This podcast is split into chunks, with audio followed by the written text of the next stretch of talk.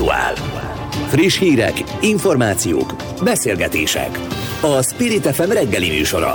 Indítsa velünk a napot, hogy képben legyen. A mikrofonnál Fogyarák Anikó. Jó reggelt kívánok mindenkinek! Október 7-én csütörtökön egészen pontosan 7 óra 6 perc van. Köszöntöm Önöket a szerkesztő Hazafi Zsolt nevében is.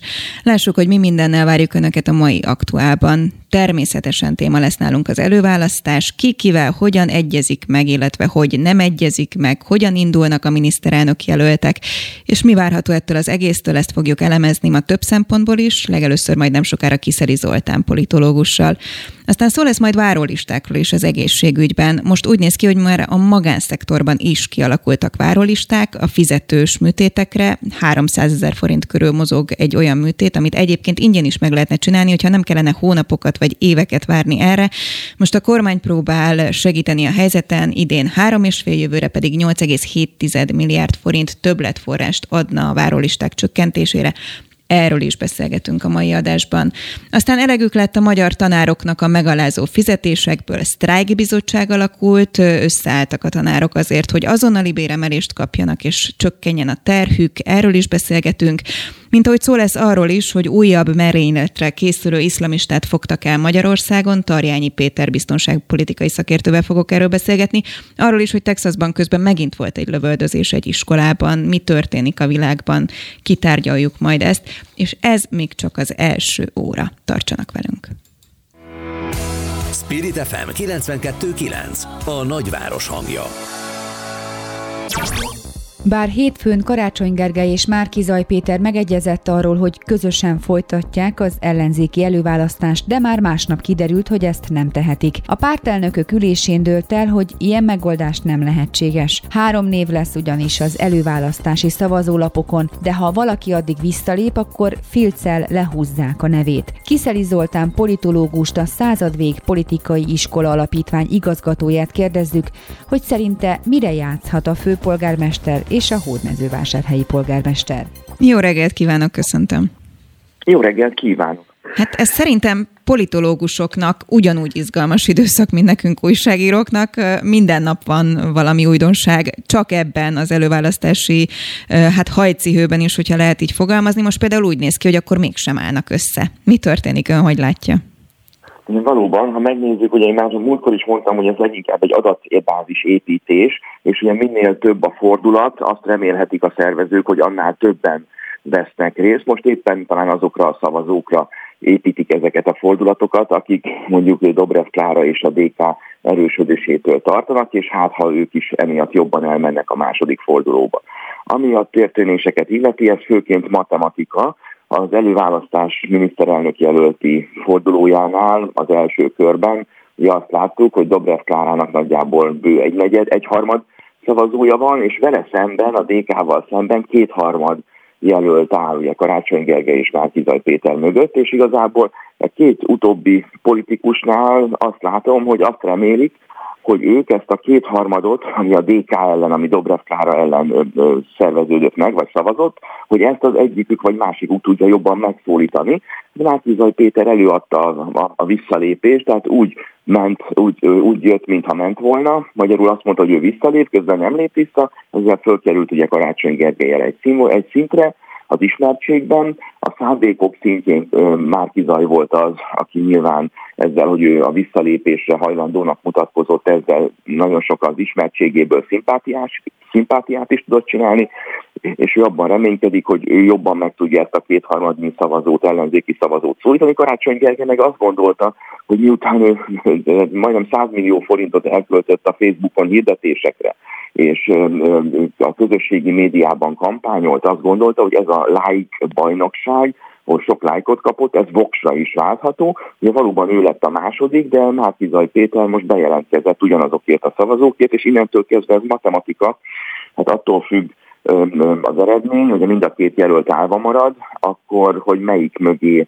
mennek át a másik szavazói. A Dobrev Klára feltehetően meg tudja tartani azt a 34-35-36 százaléknyi szavazóját, akik az első körben is rászavaztak, lehet esetleg még tud is javítani rajta valamennyit, de hogyha a másik térfélen lévő szavazók egyik vagy másik jelölt mögött sorakoznak fel, akkor ez a nagy kérdés, hogy meg tudják-e őt előzni.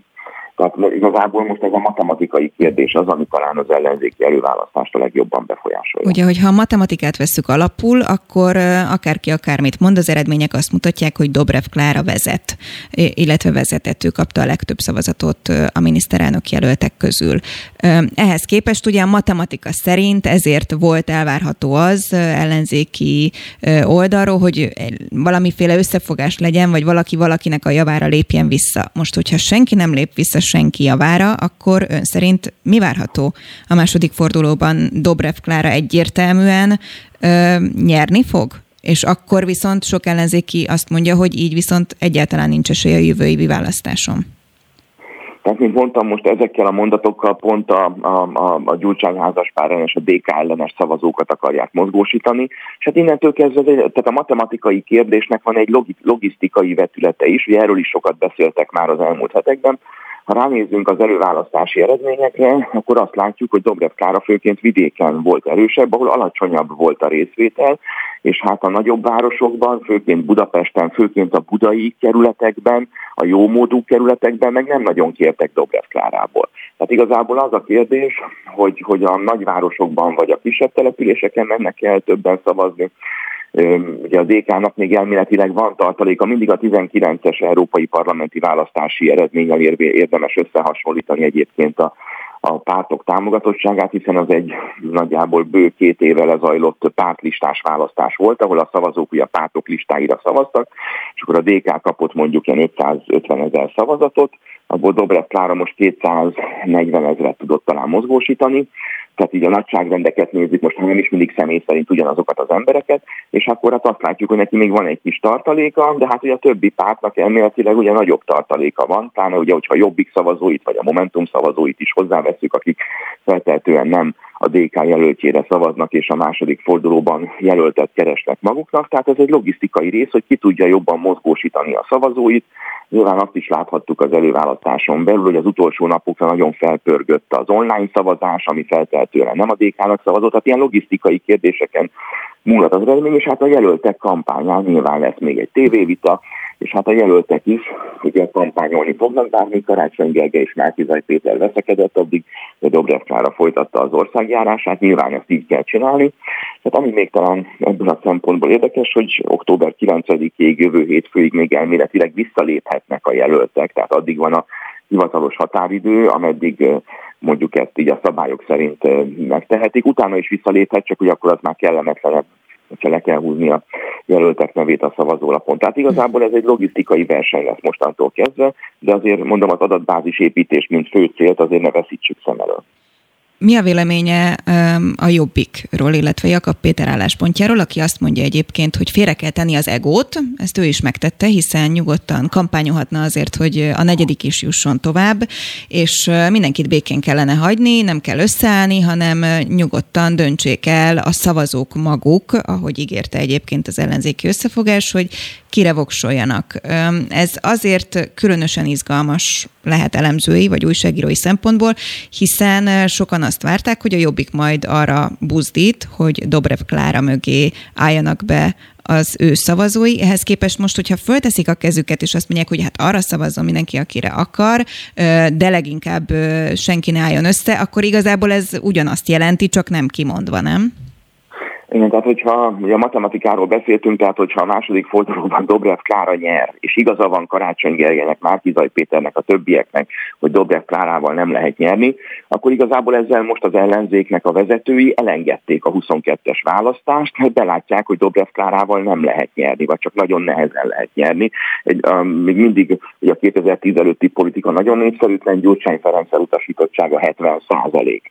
Tehát ezzel a politikával nagyon nehéz lesz nyerni, ezért Jakab Péter, aki szövetséget kötött DK, a DK-val, ugye a két legszélsőségesebb párt kötött ezzel a szövetséget, hogy ők igazából az ellenzéki időre készülnek, és a status quo fenntartásában érdekelt, hiszen a DK és a Jobbik szövetséget kötött, a DK-nak van talán 37 jelöltje, a Jobbiknak 29, tehát ők abban érdekeltek, hogy ezek a hatalmi viszonyok maradjanak az ellenzéki térszélen belül, hogy a DK legyen a legnagyobb, és Jakab Péter azért marad most a radar alatt, Egyrészt, mert a szavazói nagy része nem követték a párt alkuját, a párt elit alkuját, és nem Dobrev Klárára szavaztak. A másik pedig, hogyha sikerül ezt az ellenzéki státuszkót az egyéni jelölteknél fenntartani, akkor mindegy is, hogy Márki Zaj vagy Karácsony Gergely lesz a miniszterelnök, vagy hát Dobrev Kláránál nem mindegy, mert ugye a legerősebb párt jelöltje lesz az ellenzék miniszterelnök jelöltje, feltehetően egyébként ugye a DK lesz a legerősebb ellenzéki párt a következő parlamentben is, és akkor nyilván, hogyha egy jó viszonyt alakít ki a DK-val a Jobbik mostani vezetése,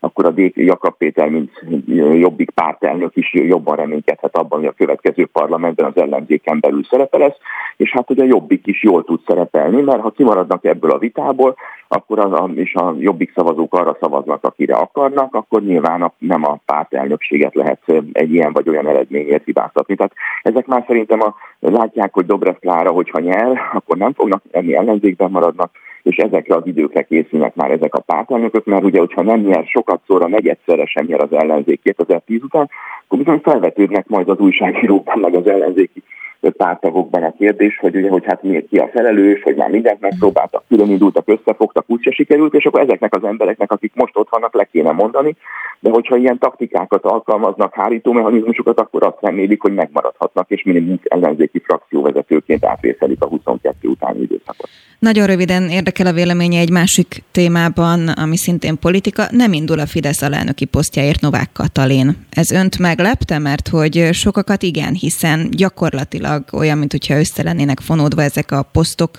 és milyen következtetést vonhatnak le ebből a választók. Ez azt jelenti, hogy teljesen szétválasztja Orbán Viktor a párt és a, a kormány feladatkörét, vagy azt jelenti, hogy Novák Katalin szerepe nem annyira hangsúlyos innentől kezdve? Hát a családpolitika a Fidesz egyik kiemelt politikája, és van egy ilyen iratlan szabály, hogy aki a Fidesz elnökségének a tagja, és hát ugye említett, Novák Katalin az elnökség tagja, az nem lehet miniszter. Tehát én itt ebben az, ebben az összeférhetetlenségben látom azt az okot, hogy, hogy ő nem indul a Fidesz alelnöki pozícióját. Egyébként a családpolitika, mint a Fidesz egyik legfontosabb politikája, lehet, hogy teljes embert is kíván, tehát ennek az összeférhetetlenségi szabálynak van azért indoka, hogy egy miniszter inkább a kormányzati feladatára szerepe fókuszáljon. Kiszeli Zoltán, nagyon szépen köszönöm, hogy a rendelkezésünkre állt. Szép napot kívánok! Spirit FM ahol mindenki szóhoz jut. A kormány idén 3,5, jövőre pedig 8,7 milliárd forint többletforrást ad a várólisták csökkentésére. A pénz 80%-át a vizsgálatokat és a műtéteket végzők kapják. A szakdolgozói kamara szerint a több pénz mit sem ér, ha nincs, aki műtsön. A telefonnál Lukács László. Jó reggelt kívánok a Jobbik egészségpolitikusa. Jó reggelt kívánok, köszöntöm én is a Spirit FM hallgatóit. No, hát úgy tűnik, hogy most már kormányzati szinten is felismerték azt, hogy elég nagy a probléma, hogyha várólistákról van szó. Volt egyszer egy próbálkozás, illetve szerintem most már évek óta van próbálkozás arra vonatkozóan, hogy ezek a várólisták csökkenjenek. A pandémia nem tett jót ennek, hiszen ugye a nem azonnali beavatkozásokat el kellett halasztani, iszonyatos sorok alakultak ki, és most már állítólag a magánegészségügyben is. Jó, hát az, hogy ez milyen próbálkozás, meg mennyire hitelt érdemlő próbálkozás, azt tudom mondani, hogy a kormány részéről nem volt érdemi próbálkozás arra, hogy a várólistákat csökkentsék, ugyanis annak az egyik gyökere, vagy talán a legfontosabb kiinduló pontja az lett volna, hogy annyi pénzt ad a kórházaknak, amennyiből ténylegesen lehet a várólistákat csökkenteni. Ugye ez azért alakul ki, és szerintem azt már mindenki látja, mert abból az egységnyi pénzből, amit a kórházak kapnak, egyszerűen nem tudják ellátni azt a mennyiségű beteget, ami beérkezik. Nagyon sok helyen az van, hogy bár tudnának rengeteget operálni, nagyon sok műtétet el lehetne végezni, sokkal több mondjuk protézis műtétet tudnának elvégezni, de mégis mivel ugye ez egy költséges műtét, nem ad rá annyi pénzt az állam, és azt mondja, hogy a kórházak ne lássák el. Vannak természetesen olyanok, amikre a kamara is hivatkozott, ugye, hogy ott meg szakember hiányban is egyszerűen nem tudják már let, letudni ezt a hatalmas nagy hátrányt, ami felhalmozódott, és akkor itt van egy harmadik faktor, a koronavírus járványban az, hogy a kormány gyakorlatilag egy évig teljes egészében úgy zárta le az egészségügyet, hogy nem volt az embereknek hozzáférése, és lényegében csak az életmentő műtéteket lehetett elvégezni, az egy óriási plusz nyomást engedett, és most tartunk ott, miután talán ugye a harmadik hullám hónapokkal mögöttünk van, hogy a kormány rájött, hogy valahogy ezt a hátrányt, ezt a ezt a többletet ezt le kellene tudni. Úgy gondolom mindig egy lépéssel később jár a kormány, és mindig el van csúszva, és ennek a kárát a betegek látják.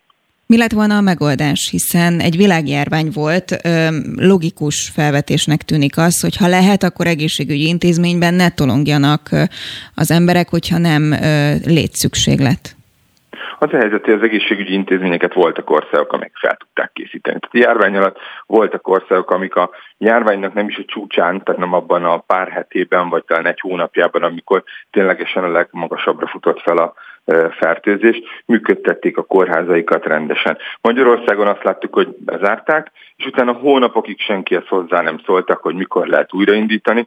Nagyon sokszor sajnos azt látjuk, hogy még most is nagyon nehéz a kórházakba bejutni, sőt, még nagyon sokszor nehéz a házi orvoshoz is eljutni. Ebben a kormánynak kellett volna beavatkozni, mi nem azt mondjuk, hogy a járvány legtetején és legcsúcsán nem volt az életszerű, hogy a kórházakban bizonyos zárásokat végre kellett hajtani, de azt, hogy hónapokra ne lehessen hozzáférni rendesen az egészségügyi ellátáshoz, az egyébként hallatlan, ugyanez a probléma, és ezt akkor vessük fel szintén itt, az, hogy most Magyarországon úgy lehet bejutni azoknak, akik nem oltották be magukat világnézeti vagy egészségügyi okok miatt, hogy előtte nekik fizetős tesztet kell végezniük azért, hogy az orvosokhoz eljussanak, vagy egyébként az orvosoknak a jó indulatára kell támaszkodniuk, hogy tőlük kérnek-e ilyen tesztet, vagy bármilyen igazolást, hogy nem betegek, az szintén szűkíti az ellátást, és szintén nem az segíti, hogy ebben az egészségügyi rendszerben mindenki egy előmódon hozzáférjen az államilag finanszírozott egészségügyhöz.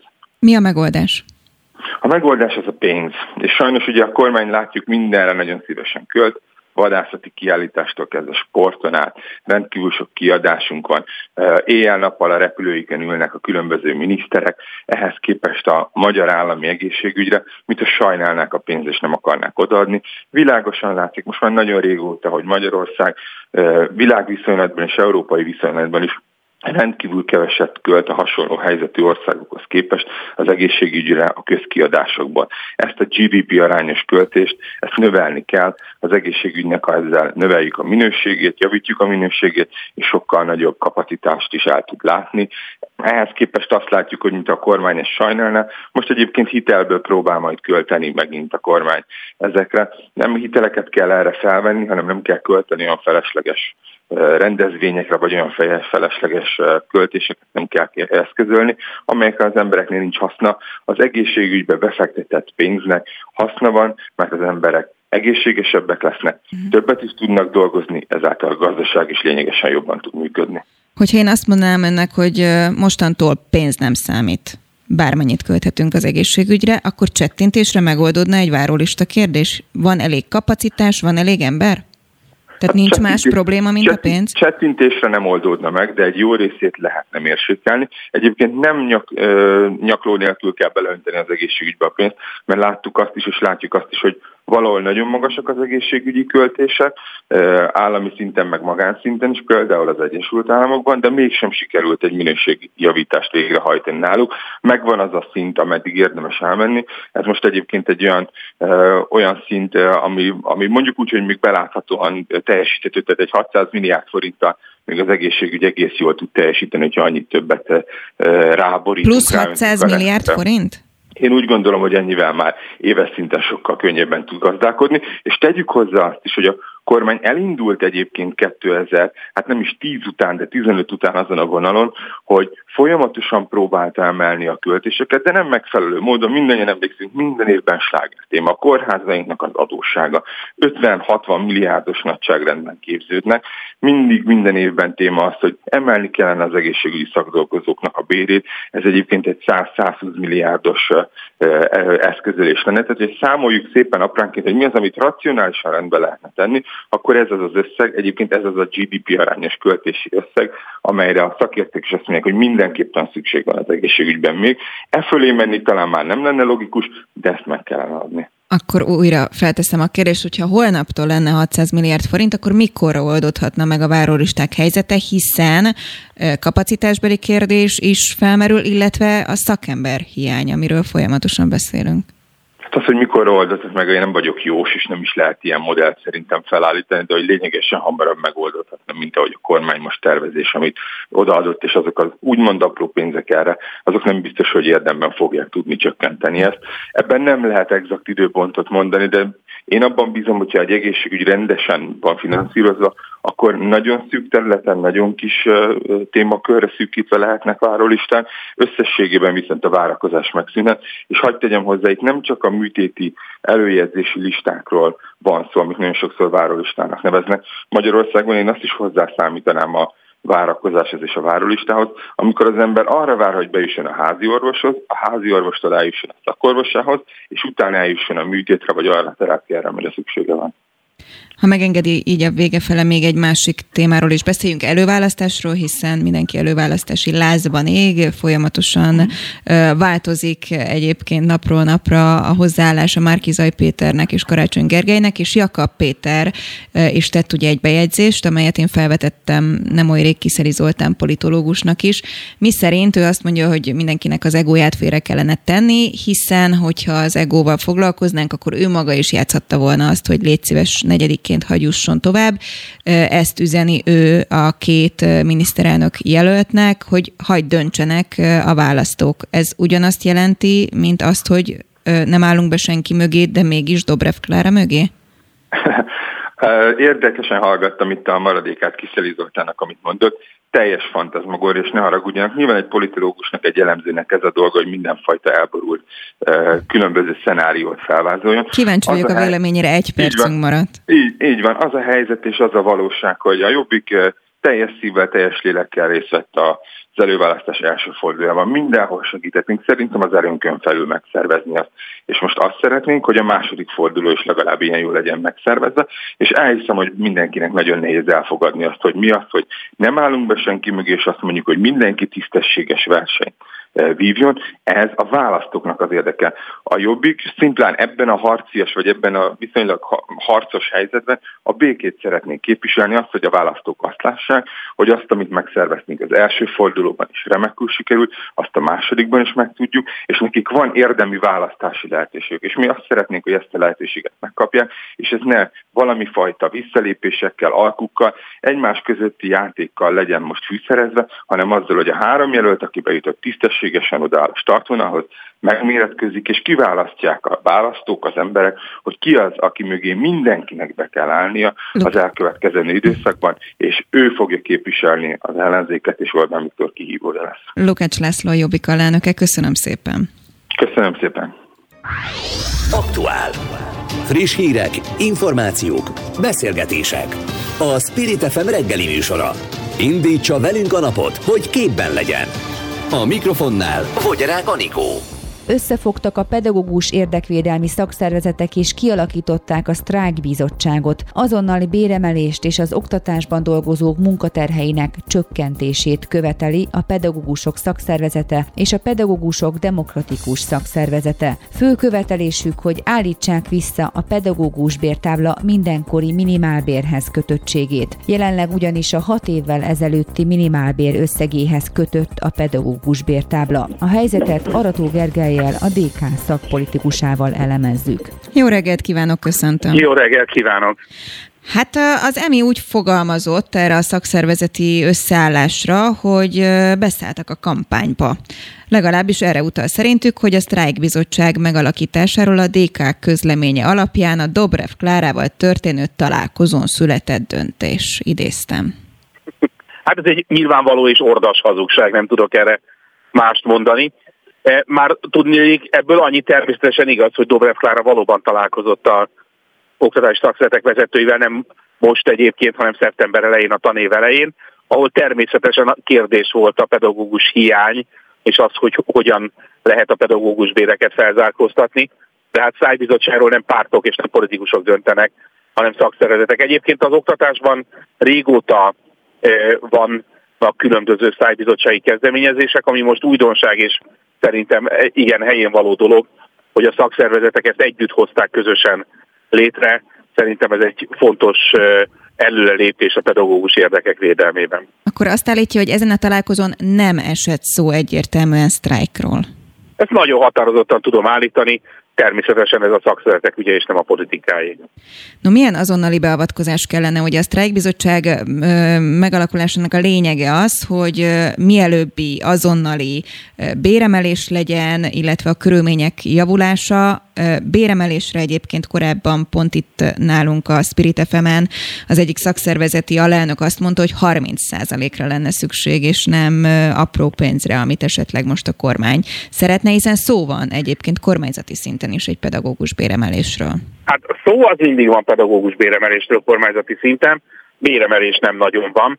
Ugye itt van egy alapvető és jogos sérelme a pedagógusoknak, az, hogy amikor bevezették az új életpálya modellt, akkor az volt a nem csak az ígéret, hanem a törvényben rögzített rendelkezés is, hogy az életpálya modellnek az alapja, az a szám, amiből kiindulva aztán kiszámolják az egyes béreket, az a mindenkori minimálbér lesz. Ehhez képest ezt a rendelkezést 2014-ben bevezették, majd 2015-ben megszüntették, ami azt jelenti, hogy a 2015 óta történt minimálbér emelésekkel nem emelték meg a, ezt a bizonyos alapot, mondhatom is, hogy ma is a 2014-es minimálbér alapján számolják a pedagógusok bérét. Ez nyilvánvaló igazságtalanság, ez legalább 60%-nyi veszteséget okozott azóta a pedagógusoknak, ennyivel kevesebbet kapnak, mint amennyit megígértek nekik. És valóban a szakszertek azt úgy vélik, az az álláspontjuk, hogy, le, hogy ennek legalább egy részét azonnal egy lépésben vissza kell kapniuk, Hozzáteszem, ez egy teljesen jogos követelés, két, két dolgot érdemes megemlíteni. Az egyik az, hogy 1200 pedagógus hiányzik ma már a pályáról, ami most már az oktatás alapvető működését veszi. nem a minőséget, nem a színvonalat, azon már sajnos túl vagyunk, hanem azt, hogy egyáltalán működni tudjanak az intézmények. Másrészt pedig ma egy e, pályakezdő pedagógusnak a bére az épp, hogy meghaladja a garantált bérminimumot, tehát a szakképzett bérminimumot, és a jövő évi minimálbér emelésekkel már az fog történni, ha nem emelik a pedagógus bért is, hogy a pedagógusok egy jelentős része az a minimálbér alatti illetményre lesz beállítva. Szél Bernadett intézet kérdést egyébként az emmi fele, hogy hány pedagógus lépett pályára tavaly és idén. És azt a választ kapta, hogy nincsenek ilyen adatok, sőt, egyébként nem kötelesek azokat előállítani. Ezen ő egy kicsit kiakadt. Mi erről a véleménye? Mit lehet tudni? Hány Ugye én ezt négy év, négy év óta minden évben megkérdezem az emmitől azt, hogy hány pedagógus lépett Akkor pályára, hány megy nyugdíjba, hányan vannak. Én sem kapok rá sosem, sosem választ. Most egyébként legutóbb, és, és ugye hozzáteszem a baj, nem csak rövid távú, hanem hosszabb távú is.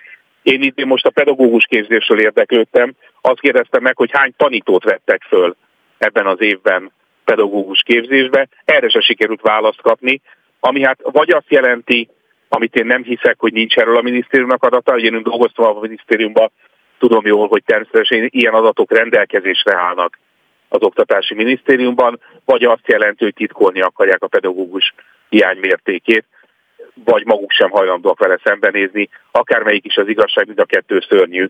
Itt tényleg arról van szó, hogy az oktatás alapvető működése van már veszélyben. Egy pedagógus béremelés hogyan tudnám megoldani egyébként a pedagógus hiányt, hiszen csak hosszú távon lenne érezhető ennek a hatása. Gondolok itt arra, hogy nekem például van egy másfél éves kisfiam, akinek valószínűleg mire eljut odáig, hogy iskolába menjen, pont ott lesz egy olyan űr, hogy nem lesz, aki tanítsa őt, hiszen mondjuk, hogyha holnaptól megemelik a pedagógusok bérét, és iszonyat kedvező életpályamodell lesz, és holnaptól tömegével elkezdenek a gyerekek jelentkezni a felsőoktatásba, akkor azok nem fognak addigra végezni, amire mondjuk az én gyermekem iskolába megy. Ez, ez valóban így van, de azért van olyan hatás pedagógus béremelésnek, ami rövid távon is érzékelhető, hiszen minden évben pedagógusok, különösen pályakezdő pedagógusok nagy számban hagyják el a pedagógus pályát az elfogadhatatlan munkafeltételek és elfogadhatatlan bérek miatt. Magyarán szólva egy béremelés rövid távon is pozitív hatással járna, mert a pedagógus pályán tartaná azokat, akiket, akik már megvannak, illetve vissza is hozhatna olyan pedagógusokat, akik az elmúlt években hagyták ott a pedagógus szakmát. Ha megengedi, beszéljünk röviden az előválasztásról is végszóként, hiszen ugye napról napra változik a helyzet, Dobrev Klára igazából hátradőlve szemlélheti azt kampányolva, hogy Márkizaj Péter, illetve Karácsony Gergely megegyezik, vagy sem, kikinek a javára lép hátra. Most épp az a legfrissebb, vagy az a mai álláspont, hogy senki nem lép vissza, hanem mindenki külön indul. Ez talán Dobrev Klárának a legkedvezőbb. Őszintén szóval az ő dolguk, mi, mi ebben nem foglalkozunk, hogy ők, ők visszalépnek, nem lépnek vissza, tárgyalnak, nem tárgyalnak. Az a helyzet, amit mondott, Dobrev Klára kampányol, ma e, például e, Szolnokon lett, holnap Szombathelyen, és így tovább, szombaton Kőbányán, tehát megy, megy körben az országban, találkozik a választókkal, és elmondja azt, hogy az elmúlt időszak országjárása e, alapján milyen fontos problémákat találkozott, és milyen megoldást kínál ezekre. Szerintem ezt kell csinálni, erről szól az előválasztás, hogy a jelölteket és a programjukat megismertessük a választókkal. Mi ezt csináljuk. Arató Gergely, köszönöm szépen, hogy a rendelkezésünkre állt. Köszönöm szépen. Szép Spirit FM 92.9 a nagyváros hangja. Az iszlám államhoz köthető magyar fiatalt fogott el a terrorelhárítási központ, mondta a TEK főigazgatója. Hajdú János a napokban történtekről kifejtette, ez az ügy összefügg a júniusban elfogott magát iszlamistának valló magyar férfi ügyével. Vékende kommunikáció elemzése során találták meg beszélgetését a most elfogott T. Dominikkal. Tarjányi Péter biztonságpolitikai szakértőt kérdezzük. Jó reggelt kívánok! Szép jó reggelt, üdvözlöm a hallgatókat. És egykori lakófalumban Tahitót falun fogták el, sokkot kaptam én is, nem, hogy mindenki, aki ott lakik, mi történik? Fiatal srácokról van szó. Nézd, hát igazán azt kell megértenünk, hogy az iszlám állam terrorszervezetnek már a működésének első pillanatában egy nagyon-nagyon-nagyon fontos beszervezési iránya volt, hogy interneten keresztül tudja az európai, illetve tengeren túli fiatalokat radikalizálni. Azóta, eh, mióta az iszlám állam katonai szárnya megszűnt létezni, ugye az elmúlt időszakban nagyon-nagyon komoly csapások értek, és tulajdonképpen az iszlám állam önmagában a területeit elveszítette, a katonai haderejét is, tehát a nyílt katonai haderejét is elveszítette, előjött az a szárny, ami tulajdonképpen egyfajta klasszikus terror eh, mentén próbál támadásokat összehozni, és ebben egy új eszköz ez a fajta interneten történő radikalizálódás, amiben az iszlám állam pszichológusok segítségével egyrészt egy nagyon-nagyon komoly felderítési metódus dolgozott ki, magyarán a közösségi médiában és a net különböző tevékenységein keresztül megtalálják azokat az európai fiatalokat, akik valamilyen úton, módon a radikalizmusra nyitottak. És hát ilyen szempontból ezeket az embereket meg tudják szólítani, és hát a legdurvább az az, hogy tulajdonképpen egy ilyen egyfajta táv oktatás, távfelügyelet, táv agymosáson keresztül rá tudják bírni a fiatalokat a legextrémebb dologra is, adott esetben arra is, hogy egy támadást végrehajtsanak ez nyilván egészen sokkolóan hangzik annak, aki normális körülmények között él. Úgy tudom, hogy ez a fiatal is egyébként nehéz családi háttérre rendelkezik. Tehát igazából az is probléma lehet, hogy nem, hogy mondjuk a külvilággal, meg a srácokkal, a többiekkel nincs kapcsolata, hanem a család sem veszi észre, hogyha elindul egy ilyen folyamat? Nézd, van egy minta, amit egyre inkább látnak a terror elhárítók ez a minta minden esetben arról szól, hogy azokat a fiatalokat tudják a szélsőséges iszlamisták megszólítani, és azokat a pszichológiai profilokat keresik a fiatalok közül, akik valamilyen szempontból pszichésen, családon belüli problémák miatt, elmagányosodás miatt abszolút sérültek. Az ilyen típusú ember, most bocsánat, hogy így fogalmazom a típus idézőjelbe természetesen, az ilyen típusú emberhez kapcsolódóan megvannak azok a belépési pontok, azok a megszólítási módszerek, amin keresztül ezeknek az embereknek célt tudnak adni. És a cél minden esetben az, hogy valamilyen úton, módon a szélsőséges iszlám e, ideológiáját elfogadva a végén tulajdonképpen támadást hajtsanak végre. Az iszlám államnak teljes egészében mindegy, hogy egyébként ezekkel a fiatalokkal tulajdonképpen mi történik. Nekik az a lényeg, hogy a mi világunkban, a mi környezetünkben ezek a fiatalok radikalizálódjanak, és ezek a fiatalok úgy élik meg, hogy tulajdonképpen az ő életükben lesz valamilyen fajta cél. Ez egy abszolút torz világ, de ezt ők nem így látják. Tehát ez, ez a fajta deviancia számukra normális, és ebben a furcsa világban, ebben a durva térben egyszerűen a szélsőséges dzsihadista stratégák tudják őket radikalizálni, és rábírni őket arra, hogy először csak megnézzenek bizonyos anyagokat, elkezdjék ezeket az anyagokat publikálni, másokat húzzanak be, és a legvégén egyébként az a cél, hogy természetesen támadásokat hajtsanak végre. Elképzelhető az egyébként, hogy hozzájutnak olyan eszközökhöz, anyagokhoz, amiből végül támadás is lehet. Szerencsére ezt mi civilek egyelőre addig nem látjuk, amíg hál' Istennek, és soha ne legyen ilyen, nem történik ilyen Magyarországon. Tehát úgy tűnhet, hogy túlkapás egy ilyen, hogy egy fiatalt, amikor csak netezget akiket elkapnak, akkor nem erről van szó.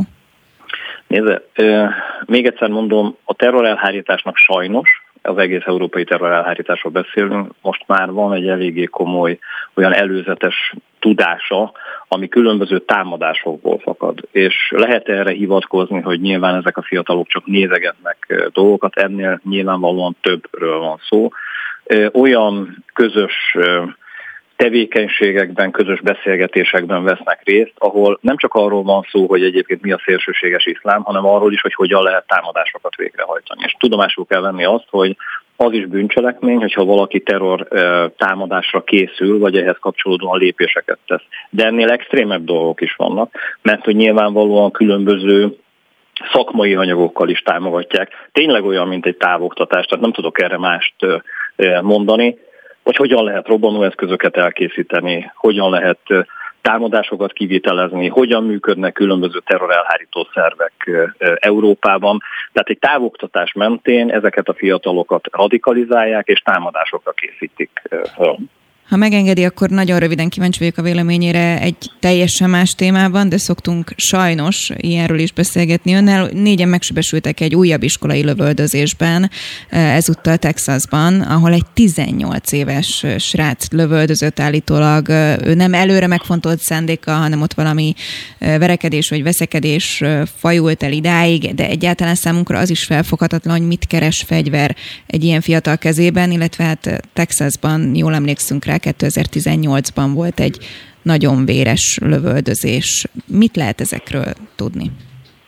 Nézze, különösen a fiatalokhoz kapcsolódóan, de az elszigetelt világban élő emberekről, tehát akik valamilyen fajta torz világban élnek, mindegyikről elmondható, hogy hihetetlenül kiszolgáltatottak ilyenfajta támadásoknál egy olyan belső világ létrehozásában, hogy egyszerűen azt érzik, hogy fegyveresen kell magukra fölhívni a figyelmet. És megint csak azt tudom mondani, hogy nagyon komoly pszichés zavarokkal küzdenek emberek. Az elmagányosodás miatt, tehát egyszerűen egy olyan világban élünk, ahol, ahol az emberek egy része a legdurvább válaszokat adja, a hétköznapi cselekményekre is. Adott esetben egy összeszólalkozás vezet egy fegyveres összecsapáshoz, és hát, hát azért azt tudomásuk kell venni, hogy ez azért az Egyesült Államokban rengeteg fegyver van kint, különösen Texasban magánembereknél, abszolút szabályos módon. Ezeknek egy részénél nem lehetne fegyver, mert egyébként nagyon komoly pszichézavarokkal küzdenek. Ez egyébként az Egyesült Államoknak az egyik legnagyobb problémája, hogy ezektől az emberektől hogyan lehet visszavenni a fegyvert. És nagyon sok fiatal van, akik hát egyszerűen rendezetlen életük miatt adnak olyan extrém válaszokat, ami döbbenetes a hétköznapi ember számára, adott esetben milyen helyzetben is, hogy például rögtön fegyverhez nyúlnak egy egyszerű összeszólalkozás miatt. Tarjányi Péter, biztonságpolitikai szakértő, köszönöm szépen, hogy rendelkezésre. Köszönöm szépen. Spirit FM 92.9 a nagyváros hangja. Az előválasztás első fordulója után felszínre kerültek az egymással összefogó ellenzéki pártok közötti elég éles ellentétek. Ezek a feszültségek olykor személyeskedésekig, mondhatni a gyurcsányozásig is vezettek. Kérdés, hogy ezek a viták egy kormányváltás esetén lehetnek-e még hangsúlyosabbak. A vonalban Vasali Zoltán az Idea Intézet elemzője aki nem a vonalban van, hanem itt ül velem szemben. Jó reggelt kívánok! Jó reggelt! Köszönjük, hogy elfogadta a meghívásunkat.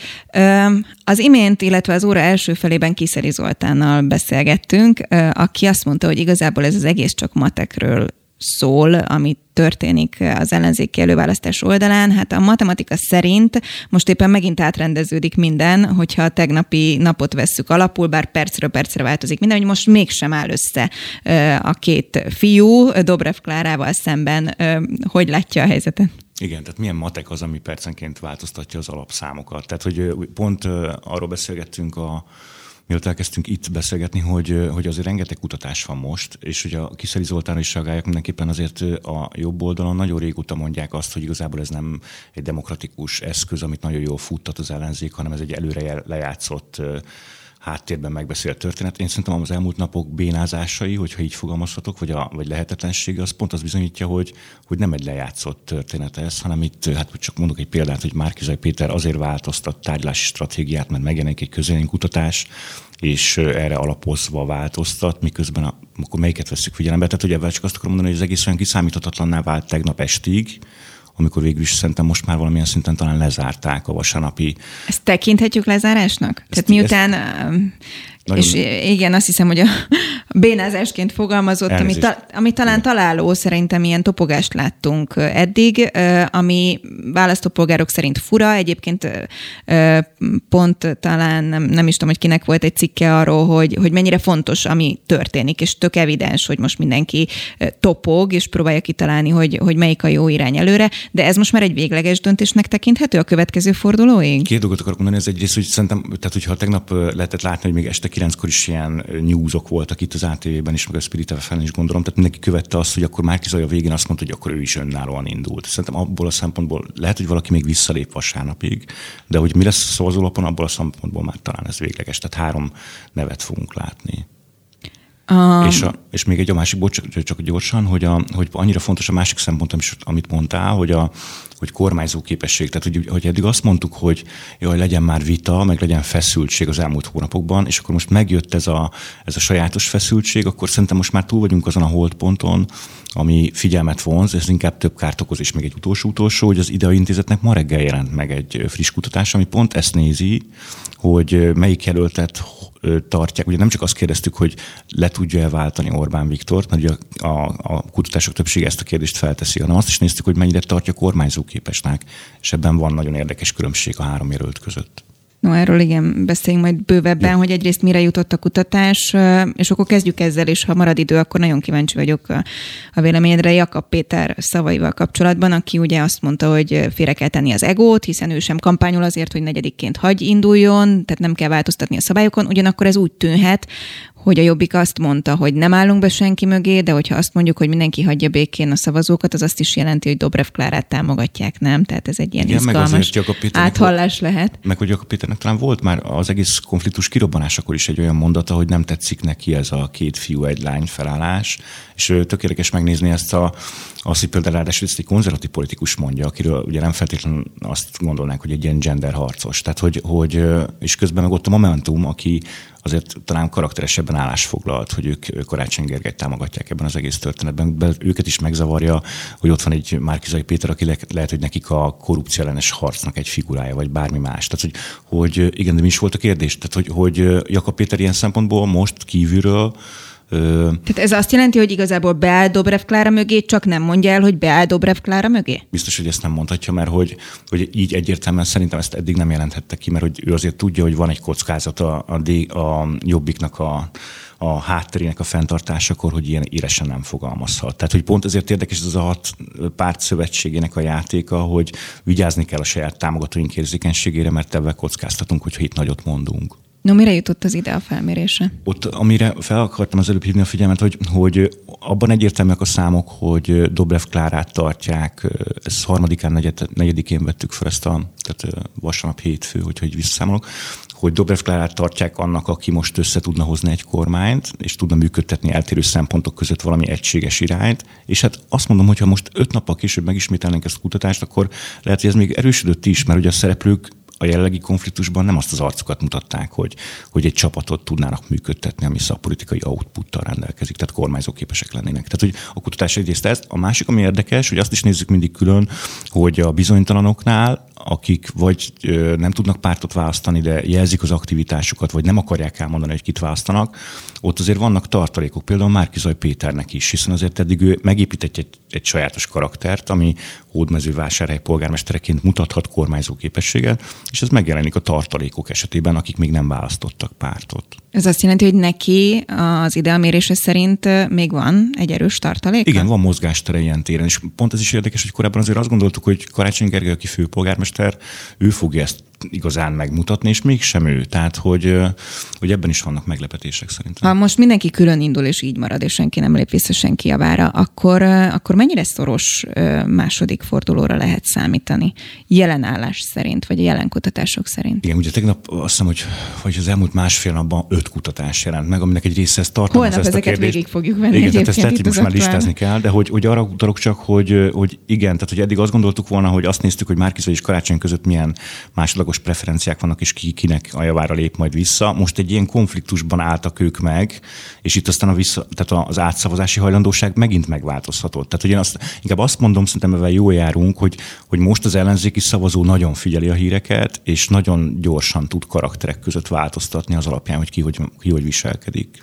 Mit várhatunk egy miniszterelnök jelölti vitától? Élesebb lesz? Nagyon font, igen, tehát hogy, hogy nem tudom, hogy a dramaturgiát mi alapján próbálják. Én azt látom, hogy a szereplők azt szeretnék, hogy ne legyen élesebb, tehát hogy most már elég volt ebből a, a harcból, hanem inkább megint menjünk vissza a szakpolitikaira, ami lehet, hogy, hogy unalmasabb egy picit, de már ott is látunk olyan fókuszokat, ahol ellentét van a, a, a gondoljuk az alkotmányozásra, ott már Karácsony és Dobrev is összecsörrent egy picit, tehát hogy, hogy meg Márki Zajnak is van egy karakteres véleménye. Tehát én arra számítok, hogy a következő elteles után ö, inkább szakpolitikai dolgokról fognak beszélni. Még egy mondatot beszéljünk a részvételről. Ugye nagyon magas volt a részvétel várakozáson felüli, és mindenki azt mondja, hogy a második fordulóban mindenhol világszerte ez alacsonyabb szokott lenni. Amikor ennyire kiéleződik a vita, akkor te mire számítasz? Akkor is szerintem már rosszabb idő van, egy, és ez tényleg fontos. A másik meg, hogy azok a pártok, akik eddig azért adtak sátrakat, és volt saját jelöltjük, akiért harcoltak, azok már nem lesznek olyan aktívak. Tehát én szerintem biztos, hogy kevesebb lesz. Én azt nem merném megmondani, hogy pontosan mennyi. Meglátjuk, és holnap folytatjuk. Vasali Zoltán, köszönöm szépen. Én köszönöm.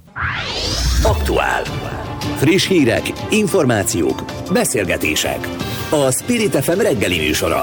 Indítsa velünk a napot, hogy képben legyen. A mikrofonnál Fogyarák Anikó. 8 óra 6 perc van, jó reggelt kívánok azoknak, akik most csatlakoznak, és azoknak is, akik mondjuk a dugóban ülve már hallgatnak minket egy ideje.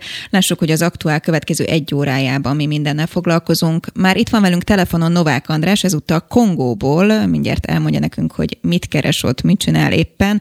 Aztán beszélgetünk majd arról is, hogy az Országos Atomenergiai Hivatal egyelőre nem adta ki az újabb paksi atomerőművek építési engedélyét. Mi lehet a háttérben? Erről írt egy egészen hosszú, értelmezhető cikk cikket Brückner Gergely a Telexen, vele is beszélgetünk majd erről. Aztán ukrán-orosz gázvitáról lesz szó, meg arról is, hogy mekkora mentális problémákat okoz a gyermekeknél az elmúlt időszak. Gondolok itt arra, hogy a Covid helyzet miatt ugye otthon kellett lenni, többeknél fordult elő a családban halál vagy komoly megbetegedés. Az UNICEF pszichológusával fogjuk elemezni ezt, mert készítettek egy felmérést, és erőművek éjszakája, ha már itt az atomenergiáról szó volt, majd beszélgetünk erről is az adás végén. Spirit FM 92.9 a nagyváros hangja. Az elmúlt hetekben megnövekedett a fegyveres konfliktusok és ártatlan civilek elleni támadások száma a Kongói Demokratikus Köztársaság keleti részén. Novák András haditudósítót, a Sprit FM munkatársát a helyszínről kapcsoljuk. Jó reggelt kívánok! Szia, jó reggelt! Remélem jól hallotok. Abszolút. És most szólok arra, hogy, hogy arról, hogy egy másodpercet késik a hang, tehát biztos, hogy lesz egy kis szünet a kérdés és válasz között, illetve bármikor elmehet a térerő, szóval lehet, hogy elveszek az éterbe, de az azt jelenti, hogy még itt vagyok Kongóba, jó? Jó, ne veszél el, és hagyj kezdjem azzal, hogy mindig megkönnyebbülés, amikor ilyen helyre mész, hallani a hangodat, hogy most éppen jól vagy. Egészen friss a bejelentkezésünk, mert tegnap késő este értél oda. Nem tudom, hogy ennyi idő alatt tapasztaltál-e bármit, vagy tudtál-e tájékozódni a jelenlegi helyzetről. Ha igen, akkor erről mondják kettő mondatot, mert hogy nem annyira békés most a helyzet Kongóban, azt olvassuk itt. Hát nem csak, hogy nem békés a helyzet, és emberrablások vannak, és katasztrofális biztonsági állapotok vannak. Most mesélték a, a kísérőink, egyébként biztonsági emberekkel, rendőrökkel vagyunk körbevéve, hogy simán meglátják, megteszik azt, hogyha valakit látnak a kocsiban, hogy európai, és fülbevaló van a fülébe, akkor benyúlnak az ablakon, és a füléből kitépik a fülbevalót, de az olasz nagykövetet is elrabolták, majd utána kivégezték, tehát meg kell, hogy mondjam, hogy a biztonsági helyzet katasztrofális, egy 90 milliós országról beszélünk, két és fél millió négyzetkilométeren, és ez a világ második legszegényebb országa, tehát hihetetlen körülmények között élnek az emberek, hihetetlen egészségügyi körülmények között élnek az emberek, szóval nagyon oda kell figyelni, nagyon-nagyon rossz helyzetben vagyunk, és hát erről is készült film, illetve tudósítás. No, mert hogy az oka annak, hogy most éppen Kongóban vagy, az az, hogy Magyarország is segít egyébként. Kongóban is van a Hungary Helps programnak különféle programja, és hogyha jól tudom, akkor éppen ez Trisztán államtitkárt kíséred. Mi a célja a mostani látogatásotoknak? Hát egy picit más a célunk, ugye ő segítséget hoz, én meg bemutatni, hogy milyen Kongó, és természetesen arról mindig jó riportot készíteni, hogy, hogy nagyon-nagyon szegény helyekre viszünk segítséget. Mondok egészségügyi állapotokat, hogy mit, hogy kell elképzelni ezt az országot.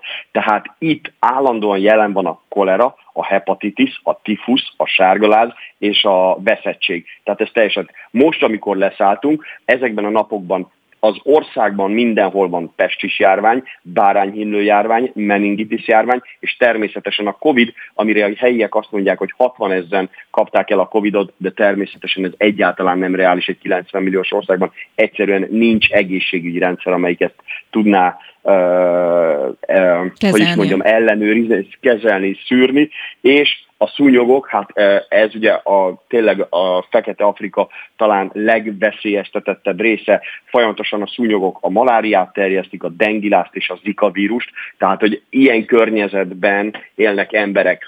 Az egyik program, amiben a magyarok segítenek egy nyomor negyedben, egy iskolát újítottak fel önkéntesekkel, a Hungary Helps program önkéntesek, gyerekeket tanítanak, foglalkoznak velük, hogy egyáltalán legyen jövőképük. A gyerekek 40%-a nem is jut el iskolába, tehát nem, hogy analfabéta, nem is látnak iskolát ebben az országban, és ami még rosszabb, itt a gyerekek, a gyerekek 43%-a teljesen alultáplált ebben az országban. Tehát ezt úgy kell, úgy kell elképzelni, hogy 3 millió gyerek az éhénységgel küzd, tehát hihetetlen számok vannak. A másik program, amiért idejöttünk, és ez is egy, egy nagyon szerethető történet, van egy magyar orvos, szemorvos, úgy hívják, hogy Hardi Rihárd, Mujimai nevű városban van, ez a Kinsasztától a fővárostól kb. 1000 kilométerre van keletre, ő pedig egy rendelőt kapott Magyarországtól, egy személyzeti rendelőt, és ebben tud, hát megmondom őszintén, akkora területet fed le, amit ő ellát, hogy 8, 8 millió embernek a személyzeti vizsgálatát és műtétét, leginkább szürkehályog műtétet végez.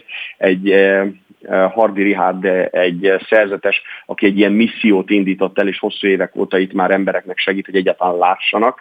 Szóval ezt a két dolgot forgatjuk, a világ egyik legszegényebb országa, hihetetlen körülmények, de valahol mégis érkezik gyerekeknek segítség, illetve egy kicsi orvosi segítség, és hát ebből lesz film, tehát tudósítunk leszünk, ha minden jól megy a híradóban, a világhíradóban, az egyenes beszédben, tehát aki követi az ATV-t, mindenhonnan bejelentkezik, meg hát az én Insta és Facebook oldalamra is azonnal teszünk ki képeket, hogy milyen körülmények vannak. Az az igazság, hogy ilyenkor értékeli az, az ember azt, hogy ahonnan jön, vagy abból az országból, ahonnan jön, és hogy, hogy mi milyen szerencsés helyre születtünk, mert amit az előbb elmondtam, hogy milyen körülmények vannak, anyagi és egyáltalán közegészségügyi körülményeket, ezt nem is lehet körülményeknek nevezni. András, vigyázz magadra nagyon, és akkor várjuk a beszámolót, amikor hazaérkeztek. Köszönöm szépen, hogy a rendelkezésünkre Köszi, hello, hello, szia, hello, hello. Spirit FM 92.9 A nagyváros hangja. Az Országos Atomenergia Hivatal egyelőre nem adta ki az újabb paksi atomerőművek építési engedélyét, sőt a nagy tét miatt a már meghosszabbított engedélyeztetési eljárás után is hiánypótlást kért. Ezek azok a blokkok, amelyet az oroszok építenének, ezért a csúszás nem csak magyar, hanem nemzetközi politikai következményekkel is járhat. Brückner Gergely a Telexen írt a gigantikus építkezés fura hátteréről, őt kérdezzük a részletekről. Jó reggelt kívánok! Jó reggelt kívánok! Hát mindenkit izgat, hogy mi van a háttérben. Hagy kezdjem egy ehhez kapcsolódó ö, témával vagy hírrel. Engem nagyon izgatott, hogy mi van annak a hátterében, hogy az MVM és az Országos Atomenergiai Hivatal vezetőit hirtelen mód lecserélték nagyon gyorsan és csendben, és erre azt mondta nekünk pont itt az adásban a szakértő, akit megkérdeztünk, hogy hát simán lehet, hogy az áll a háttérben, hogy további alapítványi kiszervezésekre készülnek, de hát a te cikked az ugye ennél jóval túlmutat a nemzetközi következményekre is. Mire jutottál, te mit vizsgáltál?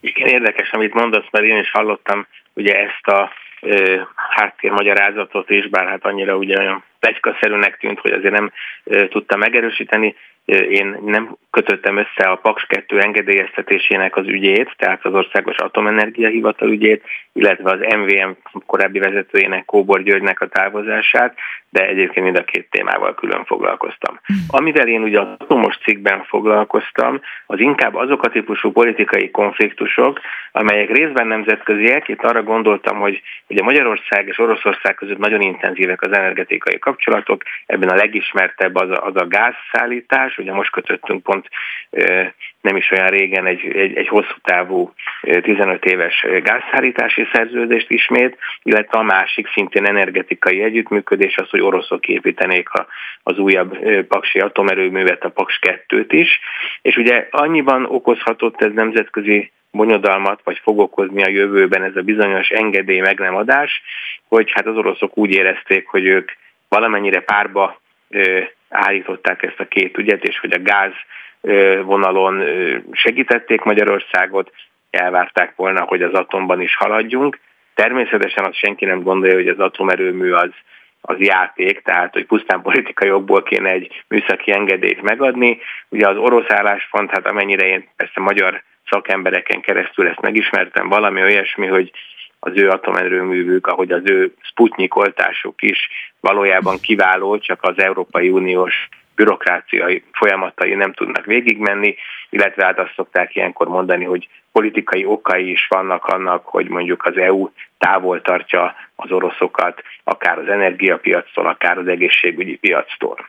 Tehát gyakorlatilag a konfliktusnak ez a nemzetközi része, hogy Oroszország nagyon szeretne már egy Európai Uniós atomerőmű referenciát szeretne már ebben előre haladni, de sem Finnországban, sem Magyarországon, két uniós országban hát képtelen megszerezni a megfelelő engedélyeket. Holoda Attila energetikai szakértő egyébként azt is mondta nekünk, mikor erről kérdeztük, hogy a hivatalnak a vezetőjének a cseréje azt is jelentheti, hogy pont emiatt politikai nyomást gyakoroljanak, hogy na most már aztán tessék aláírni azokat a papírokat. Ez szerinted reális? ez lehetne reális, tehát ugye olyan szempontból nagyon egybeesett Kátár Andrea érkezése a, az atomenergia hivatal élére, hogy hát gyakorlatilag amelyik nap őt bejelentették, aznap volt ez a bizonyos hiánypótlási kérés is, tehát teljesen egybeesett, és mindig amikor egy új vezető egy bizonyos, hát ilyen interregnum, tehát egy be nem töltött pozíció után megérkezik, akkor az ember azt gondolja, hogy hát van valamilyen feladata, vagy van mandátuma, ugyanakkor számomra ez nem egyértelmű, hogy ő azért érkezett, hogy azonnal nem tudom, megadja az engedélyt, vagy pont azért érkezett, hogy akkor legyen már végre valaki, aki dönteni tud abban, hogy hiánypótlást kell kérni. Tehát nagyon egybeesett valóban a, a, a két lépés, de hát nem venném a bátorságot, hogy azt megmondjam, hogy ő milyen ö, mandátummal jött. Mindenesetre hát, hogy az élet az bizonyította, hogy nem gyorsította a folyamatot, hanem ő egy újabb hiánypótlást kért, és ezzel udvariasan ugyan megdicsérte a beadott anyagok minőségét, de hát mégsem fogadta el ezt jónak, tehát további feladatok vannak ezzel. Ez mindenképpen egy kudarc ugye Paks 2-nek, és hát arról is azért vannak információk, hogy Paks 2, mint egy hatalmas ilyen költséghely, ahol több ezer milliárd forintot elköltenek, költeni mindig jó, tehát hogy ezért ezt különböző politikai szereplők szeretnék felügyelni. Ugye jelenleg egy külön tárca nélküli miniszter alá tartozik a, a projekt, de hát arról azért mindig lehet hallani, hogy más befolyásos miniszterek is szívesen rátennék a kezüket szívesen menedzselnék ezt a feladatot. Külön taglaltad a cikkben ugye azt, hogy az orosz vonal az mit jelent, és hogy akkor ez most valódi konfliktus, avagy sem, hiszen az EU-n belül nem feltétlen ugyanazt kommunikálja Magyarország, mint egyébként Oroszországgal szemben. Ebben a kontextusban mire jutottál? Én azt gondolom, hogy Magyarország ugye nagyon erősen ráhagyatkozik energetikában Oroszországra, ugye a gáznak nagyon nagy százaléka Oroszországból jön, szerencsére most már annyiban tudtunk diversifikálni, hogy a horvátországi LNG terminálból tudunk nem orosz gázt is vásárolni, de ugye a másik nagy áram termelési kapacitásunk, kb. 40-45 százalékot jelentő atomerőmű, az is ugye egy orosz építésű erőműben zajlik majd, hát ami magyarnak mondható, az a egyre nagyobb napenergia, de hát azért az még összességében nem jelent akkora mértéket a, a, a magyar áramtermelésben, tehát Oroszország nagyon meghatározó a térség energiaellátásában, most éppen elképesztő magasan vannak az árak, és ugye a, mi általában inkább az uniós narratívát ismerjük, hogy hát ezek az oroszok itt szórakoznak az ukránokkal, meg nem szállítanak elég gázt, azért mindig hozzá kell tenni azt, hogy az oroszoknak is van erről egy véleményük, ők meg azt mondják, hogy építettek egy hatalmas vezetéket a tenger alatt, ez a bizonyos északi áramlat kettő, és hát ők tudnának megoldást szállítani az Európai Uniónak, csak hát az Európai Unió mindig akadékoskodik, újabb szabályokat ír elő, tehát ugye mindenkinek van egy igazsága ebben a történetben, az biztos, hogy nagyon konfliktusokkal terhelt most Oroszországnak a viszonya, hát szinte mindenkivel, de mondjuk az Ukrajn, Ukrajnával, Egyesült Államokkal és Nyugat-Európa egyes országaival biztosan, mi meg ugye ebben lavírozunk, tehát mi jó kapcsolatokra törekszünk Oroszországgal, emiatt vannak is erős együtt, energetikai együttműködéseink, de hát nyilván az Unióval szemben sem tudunk menni. És mindeközben ugye pláne egy kampányidőszaknál nem győzik hangsúlyozni, de az elmúlt évek egyik hát kedvelt kormányzati intézkedés a rezsicsökkentés, hogy mi ugye mennyivel kevesebbet fizetünk, mint amennyit egyébként kellene. Ez szerinted tartható, vagy ez feszültség? Nagyon nagy feszültség, ugye most mindenképpen extrém árak vannak, de jelenleg hát körülbelül úgy lehet számolni, hogy az áramnak a piaci ára mondjuk háromszorosa annak, mint amit a magyar lakosság fizet. Annyiban bonyolultabb a dolog, hogy nem csak a villamos energiáért fizetünk egy áramszámlába, hanem az úgynevezett rendszer használatért is, de mindesetre maga az energia az körülbelül háromszoros piaci áron van. A gázban még nagyobb a különbség, ott egészen őrült módon felmentek az árak, gyakorlatilag egy év alatt majdnem meg ötszöröződtek. Én azt gondolom, hogy ez egy speciális helyzet, tehát nem lesznek ennyire magasak az árak ö, hosszabb távon, de ha így maradnának az árak, akkor azok, akik ezen a limitált hatóságilag meghatározott úgynevezett rezsicsökkentett áron szolgálják ki a lakosságot, ők hatalmas veszteségeket szenvednek el. Hozzá kell tenni, hogy a cégek viszont ugye piaci áron vásárolják az áramot, az egy külön erős problematika lesz a következő időszakban, hogy az energiaigényes ágazatok, téglagyárak, mosodák, műtrágyagyártók, hát ők olyan szintű áremelésre kényszerülnének, amit nem biztos, hogy a vevők meg tudnak fizetni, tehát komoly gondot jelent a magas energiaár, azért ezt mindenképp szögezzük le. Brückner Gergely, a Telex újságírója. Köszönöm szépen, hogy értelmezhetővé tetted ezeket a folyamatokat, és akkor a cikkeidet egyébként olvassák bővebben a Telex oldalán. Köszönöm. Köszönöm szépen. Spirit FM 92.9 a nagyváros hangja. Az orosz-ukrán gázvita a 2000-es évek elején kezdődött. A földgáz szállításával kapcsolatos vita az állami tulajdonban lévő orosz Gazprom és Ukrajna között zajlik. Ennek során az ukrán fél a földgáz elszámolási járát vitatja, míg az oroszok rendszeresen az Európába tartó tranzitvezetékek megcsapolásával vádolják az ukrán naftoház céget. Az eddigi legsúlyosabb helyzet 2009. januárjában alakult ki, amikor is szinte teljesen megszűnt a gázszállítás több euró európai ország gázellátását veszélyeztetve. Most újabb fejezethez érkeztünk, Eperjesi Ildikótól próbáljuk megtudni a részleteket. Aki külpolitikai szakújságírója az ATV-nek. Jó reggelt kívánok! Jó reggelt kívánok, köszöntelek is a kedves hallgatókat is köszöntöm. És aki szintén érthetővé tud tenni nekünk folyamatokat, most épp ugye orosz-ukrán gázválság. Mekkora konfliktusban vagyunk, kezdjük ezzel? Hát elsősorban, hogyha valaki csak felszínesen is olvasta a híreket az elmúlt napokban, akkor láthatta, hogy rengeteg érzelem, de inkább azt mondanám, hogy indulat és dű szabadult fel Magyarországon is, és Ukrajnában is. Ahogy néztem a sajtó és a politikai vezetők részéről is rendkívül éles nyilatkozatok, elemzések voltak. És az örvendetes, hogy második körben már ugye Orbán Viktor miniszterelnök és Dimitro Kuleba ukrán külügyminiszter is igyekezett csitítani az indulatokat, hogy annak kapcsán, hogy Magyarország az orosz Gazprom gázipari óriás céggel 10 plusz 5 évre hosszú távú szerződést kötött a gázszállításokról, és ez a szerződés, ennek a szerződésnek a kitétele, hogy Magyarország most, mostantól Ukrajna megkerülésével Ausztrián és a Balkánon, Szerbián keresztül kapja a gázt és ez váltott ki elképesztő indulatokat Ukrajnában, aztán majd Magyarországon is. Én szeretném aláhúzni, hogy nagyon fontos lenne, hogy racionálisan kezeljük a helyzetet, és hogy a, a vitákat, a két ország között fennálló vitákat racionális keretek között lenne fontos tartani, hiszen a két népnek nincsen oka arra, hogy gyűlölje egymást, hogyha vannak is vitás kérdések. Hát, Egyébként a bocsánat, vita... ez egy fél mondat, hogy a racionalitás azért pont ennél a két országnál, és a magyar kontextusban azért nehéz, nehéz kérdés.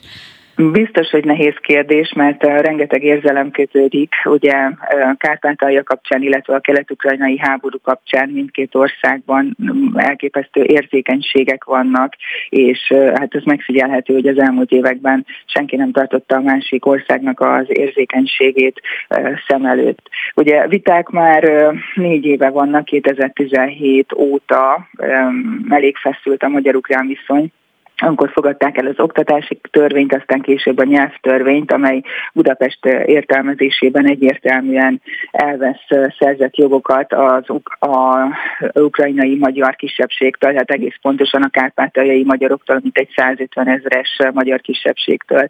De azt tudni kell, hogy ez a vita nem egyszerűen csak mérgesedik, hanem dolgoznak a szakemberek és a diplomaták a megoldásán. Rendszeresen összejönnek, és nagyon kemény erőfeszítéseket tesznek annak hogy megoldják ezeket a kérdéseket, ahogy erre, erre ez el is várható egyébként. Tehát, hogyha fennállnak viták, akkor annak megvan az európai módja, hogy, hogy ezeket a vitákat rendezni lehet. És hát van is mire alapozni, ugye a magyar diplomácia is szereti hangsúlyozni, hogy Magyarország a világjárvány kitörése óta a nehéz helyzetben lévő Ukrajnának többször is ajándékozott lélegeztetőgépeket, tehát mintegy száz lélegeztetőgépet Kárpátaljának, de más megyéknek is. Ezen felül az elmúlt években sebesült ukrán katonákat ápoltak magyar kórházakban, aztán a kelet-ukrajnai háborúban érintett ukrán gyerekeket táboroztatnak rendszeresen nyaranta Magyarországon, és hát a kárpátaljai magyarok maguk is alaposan kiveszik a részüket Ukrajna védelméből, hiszen a, a Dombászi háborúban, ami egyébként ma is zajlik 2014 óta, még mindig nem ért véget a háború, bár tűzszünet van érvényben, de rendszeresen vannak ágyúzások, lövöldözések, tehát kárpátaljai magyarok jelenleg is szolgálnak a frontvonalon, én magam is találkoztam ilyen magyarokkal ott a, a Dombászban. És hát ugye ezen felül pedig, hogy visszakapcsolódjunk a gáz témájához, az Ukrajnán keresztül szállított gáznak egy részét virtuális reveszben Ukrajna visszakapta tőlünk. Tehát a Magyarország már eleve több gázt vásárolt saját maga számára, vagy importált a Gazpromtól, és ez mindeddig ukrán területen keresztül érkezett Magyarországra, és ennek egy részét Ukrajna megtartotta magának, illetve hát Magyarország eladta Ukrajnának egész pontosan, Ukrajna ezt kifizette Magyarországnak. Ukrajna gáz szükségleteinek az egyharmada importból származik, és ennek a jelentős része ebből a orosz-magyar gázból származott. Na ennek lett vége a Gazprommal kötött magyar szerződés kapcsán, és hát elég nagy fejfájást okoz most az ukránoknak, hogy honnan is próbálják meg ezt a gázt pótolni. Az ukrán tározókban jelenleg mintegy 19 milliárd köbméternyi gáztartalék van, hát összehasonlításképpen tavaly ilyenkor 28 milliárd volt, tehát lényegesen több, és ráadásul ebből a 19 milliárdból 4 milliárd nem is Ukrajnáé, hanem ugye külföldre át kell szállítania, ez tranzitgáz, feet. Tehát 15 milliárd köbméternyi gázzal öm, vágnak neki a fűtési szezonnak. Hát a szakemberek szerint ez ö, nagyjából elég kell, hogy legyen az egész fűtési szezonra, ki kell, hogy tartson, akkor, hogyha nem lesz különösebben kemény tél. Hát most Ukrajnában elég kemény telek ö, tudnak lenni, már most ö, több felé, több megyében nulla fok körül van a hőmérséklet, és ö, ráadásul, hogyha januárban, februárban nagyon lecsökken a hőmérséklet, ha március egy plusz téli hónap lesz, mint amilyen például idén is volt, akkor Ukrajna elég nagy bajban lesz. Napi mintegy 10-30 millió köbméternyi eh, gáz eh, hiányozhat az ellátásból. Ezt vizsgálják azt, hogy az így kiesett gázt, amit Magyarország most már nem ad majd el Ukrajnának, ezt esetleg Lengyelország, Szlovákia felől pótolják, csak hát kérdés, hogy ez műszaki, műszakilag mennyire megoldható, mert ez nem annyira egyszerű. Kiebben azért volt egyébként nagy felháborodás a magyar és a Gazprom szerződés tető aláhozatala miatt, mert hogy úgy látják, hogy Ukrajna megbízható tranzitország, és a felkonferálásban említett gázháborúk, ugye a 2000-es években volt két gázháború, úgynevezett gázháború is Oroszország és Ukrajna között, azért azt tudni kell, hogy már annak is az volt az előzménye, hogy a narancsos forradalom kapcsán Ukrajna elkezdett a nyugat felé tájékozódni, tehát a nyugati szövetségi igen, ennek az előzményét már. Édikon, nagyon köszönöm, hogy érthetővé tetted a folyamatokat számunkra. Eperjesi Édikó, külpolitikai szakújságírója az ATV-nek, és innen folytatjuk legközelebb. Köszönöm. Köszönöm szépen, minden jót. Aktuál. Friss hírek, információk, beszélgetések.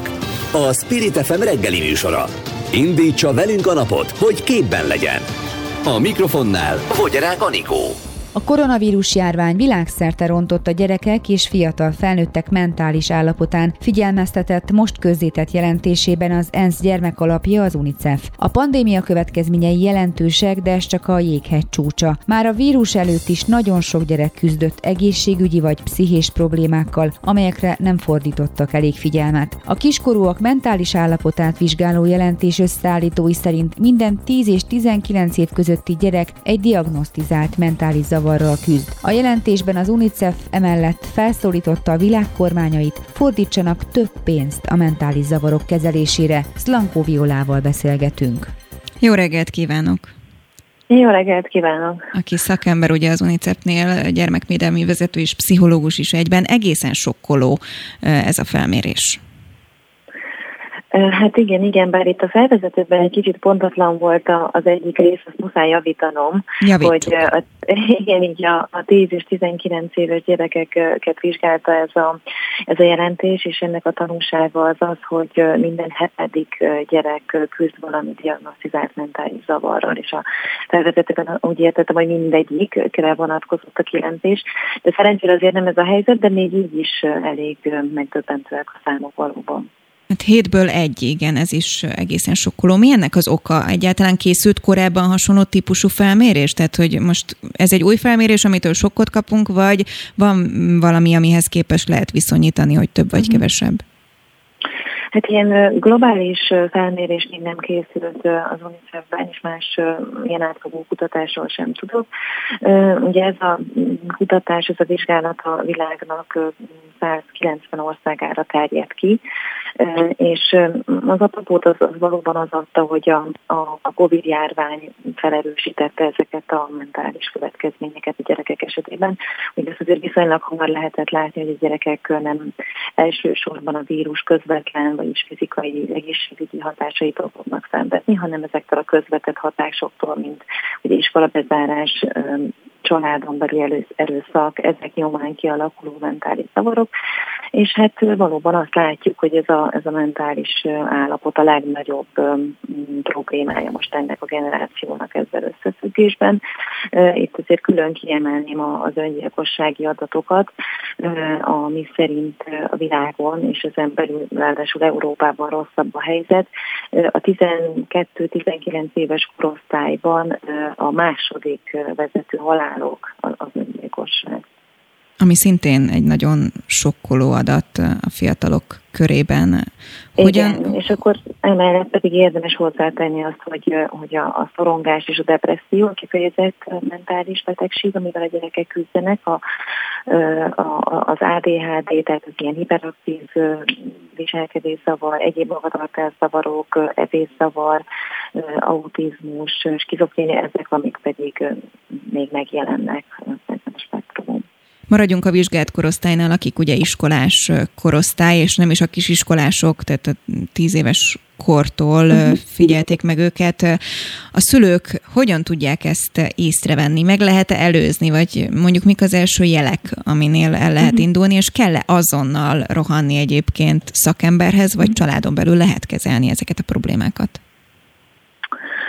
Hát igen, ez nagyon jó kérdés. Én abszolút nem gondolom, hogy rögtön pszichológushoz kell fordulni, vagy, vagy, vagy a pszichológus az, aki megjavítja a gyereket azonnal, hogyha van vele valami probléma. Hát egyfelől szerintem kell egy, egy pszichológiai tudatosság, tehát nem, nem biztos, hogy, hogy szülők, tanárok feltétlenül tudják, hogy, hogy, hogy mik azok a jelek, viselkedéshez kapcsolódó jelek, vagy hangulati zavarhoz kapcsolódó tünetek, amiket nekik fel kell ismerni. Tehát nem fontos itt egy, egy pontos lenne egy ilyen társadalmi edukáció ezen a téren is, valamint hát az iskoláknak is nagy szerepe van ebben, hiszen, hiszen ugye ott vannak a tanárok, az iskolapszichológusok is, és igen, valóban leginkább én is a prevencióra tenném a hangsúlyt, tehát hogy mondjuk az iskolában jellemző módon most nagyon hiányzik ez a, ez a lelki egészség, vagy pszichológiai kultúra, a gyerekeket elsősorban az intellektuális teljesítmény, egyéb teljesítményre ösztönözzük, és az, hogy ők hogyan vannak, hogyan érzik magukat, mik a nehézségeik, mik a konfliktusaik, mik a kihívásaik, akár otthon, akár az iskolában arra kevesebb szó esik, és hogyha mondjuk ehhez kapcsolódóan vannak hát különböző gyakorlatok, beszélgetések, hely, helyzetek, amiket létrehoz vezet a tanár, akkor, akkor azért ki szokott derülni, hogy ha, ha nem is olyan szembetűnőek a, a, még a problémák, ki szokott derülni, hogy hol, hol vannak a gyereknek nehézségei, és akkor itt időben be lehet esetleg avatkozni. Nyilván az is fontos még itt, hogy a, azért még mindig van egy, egy stigma bármilyen mentális zavar körül, vagy, vagy, vagy akár ahhoz kapcsolódóan, hogy a szülők pszichológushoz, szakemberhez viszik a gyerekeiket. Úgyhogy szerintem ezen is érdemes dolgozni, vagy ezt is érdemes tudatosítani, hogy, hogy a lelki egészség az, a, az általános egészség, a fizikai egészség része. Tehát hogy ez nem, nem, nem szégyen, hogyha ebben támogatás segítséget kérünk. Október 10-e a Mentális Egészség Világnapja, és a világnaphoz kapcsolódva van egy programja az UNICEF-nek. Erről tudunk-e beszélni? Igen, igen, hát egyrészt ugye a saját magyar kutatásunk szerint az volt a, a legfőbb tanulsága a, a, a kutatásnak, hogy hogy a családok kétharmada nem kapott segítséget a, abban a helyzetben, hogy, hogy a gyerekét, vagy a család, család támogatást kapjon. Tehát ugye nagyon megviselte a családokat ez a Covid járvány mentális szempontból is, és kétharmada azt mondta a családoknak, hogy nem kap ehhez semmiféle támogatást, nem kapott. Úgyhogy mi most a Vadasker gyerek pszichiátriában kapcsolódó nevelés egyesülettel indítunk szülőcsoportokat, ami kifejezetten a COVID utáni időszakban támogatják a, a, a, a szülőket. Ez a jelentkező szülőknek teljesen ingyenes, mert az UNICEF fizeti. Ugye bárkit az érdekel, akkor a szülőcsoport kukac unicef.hu e-mail címen jelentkezhet valamint azt is, azt a programunkat is elindítottuk, hogy, hogy ahogy beszéltem róla, ez a lelki kultúra hiányzik az iskolából, tehát tőlünk lehet rendelni pszichológiai lelkiegészség órákat a, az, az UNICEF szervezésében, és akkor a képzett szakembereink kimennek, és az iskolában tartanak ilyen foglalkozásokat. Ezt is meg lehet rendelni tőlünk ingyenesen az unicef.hu oldalán. Reméljük sikerült felhívni erre a figyelmet. Slanko Viola, az UNICEF gyermekvédelmi vezetője, pszichológus. Nagyon szépen köszönöm. Köszönöm én is a meghívást. Aktuális közlekedési helyzetkép a fővárosból, a BKK Info szakemberétől, a Spirit FM reggeli műsorában. Csúcsidő. 8 óra 40 perc van, az iskolában már sokan elvitték a gyermekeket, és mondjuk úton vannak a munkába. Ez vélhetően látszódik a közlekedésen. Pongrácz Dániel, jó reggelt kívánok! Jó reggelt kívánok, szervusz, köszöntöm a hallgatókat. És egy órával besz- ezelőtt beszéltünk arról, hogy ez az undorító nyálkás, hol esik, hol nem idő van, amikor mindenki óvatosabb, lassabb, és az is kocsiba ül, aki nem egyébként. Most már érezhető ez a forgalmam? Igen, ahogy mondtad, hogy az iskolába már beértek, de lehet, hogy a munkahelyre még nem. Ugyanis hát jó sokan vannak az úton, főleg itt a belvárosi részt értem ez alatt, meg a hidakat, sőt itt a belvárosban még az autóbuszt is el kellett terelni egy szakaszon, a 15-ös és a 115-öst, ezért a Lónyai utca, a Cucor utca és a Törökpál utca megállót nem érinti, ugyanis itt a Lónyai utcában akkora a forgalom, hogy hatalmas késések vannak, de van baleset is, nem messze a Belgrád rakparton a március 15-et érnél a Fővám tér felé, és van egy villamospótlás is, itt áramellátási hiba miatt nem közlekedik az 50-es villamos a teljes vonalon, ezért ott pótlóbuszra kell szállni. Hogy látod, mekkora kerüléssel kell számolni, vagy mekkora többlet úttal annak, aki mondjuk most van úton? Mi az, amit kerüljenek el, mit tanácsolsz? Hát aki teheti, azért itt a belvárosi utakat kerülje el, valamint például a Margit hidat, a Petőfi hidat és a Rákóczi hidat, de akinek mindenképp ott van dolga, sajnos leginkább türelemre lesz szüksége. Mai napi lezárásra hívjuk fel még a figyelmet, hogyha van ilyen, amit szeretnél elmondani. Van egy lezárás az Alkotás utcában, a déli pályaudvar közelében, ez egy sávlezárás a Rágyörgy utcánál, a Bakcsomópont felé vezető oldalon illetve az M5-ös autópálya bevezető szakaszán a Pannonia úttól a határútig kertészek dolgoznak, amennyiben az időjárás engedi. Pongrácz Daniel, BKK, nagyon szépen köszönöm, hogy elmondtad a friss információkat. Szép napot neked! Viszont kívánom nektek is!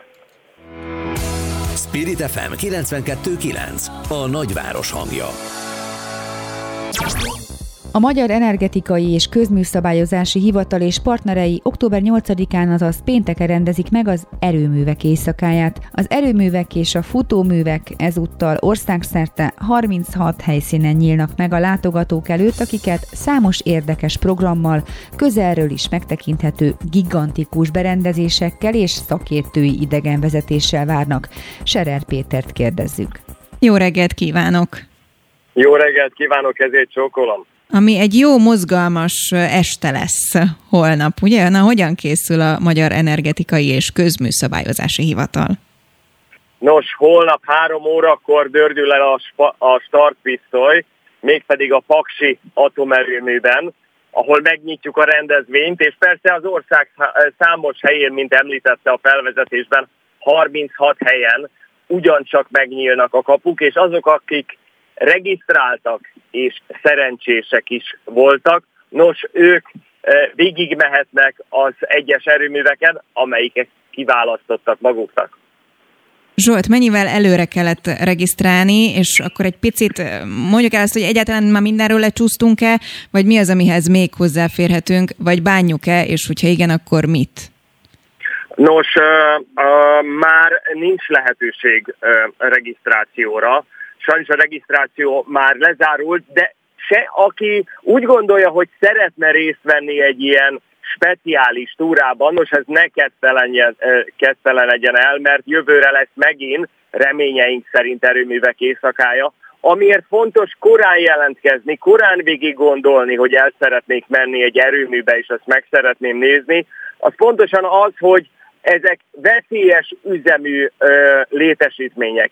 Ide nem lehet korlátlan ö, a mennyiségű embernek bejönni, és pláne miután még a járvány is a nyakunkra jött, ugye másfél évvel ezelőtt, től, és most is itt van a negyedik hullám, ebből kifolyólag sajnos kevesebben tudnak ma elmenni az erő, illetve fognak tudni holnap elmenni az erőművekbe, ezért akinek nem sikerült, kérem, ne legyen rossz kedvű, jövőre reméljük, hogy megint lehetőség lesz arra, hogy a két évvel ezelőttért hasonlóan több mint 4000 ember el tudjon menni. A mostani létszámokat nézve körülbelül 3000 ember, aki be tud férni az erőművekbe, sajnos az egészségügyi előírások miatt nincs többre idén lehetőség.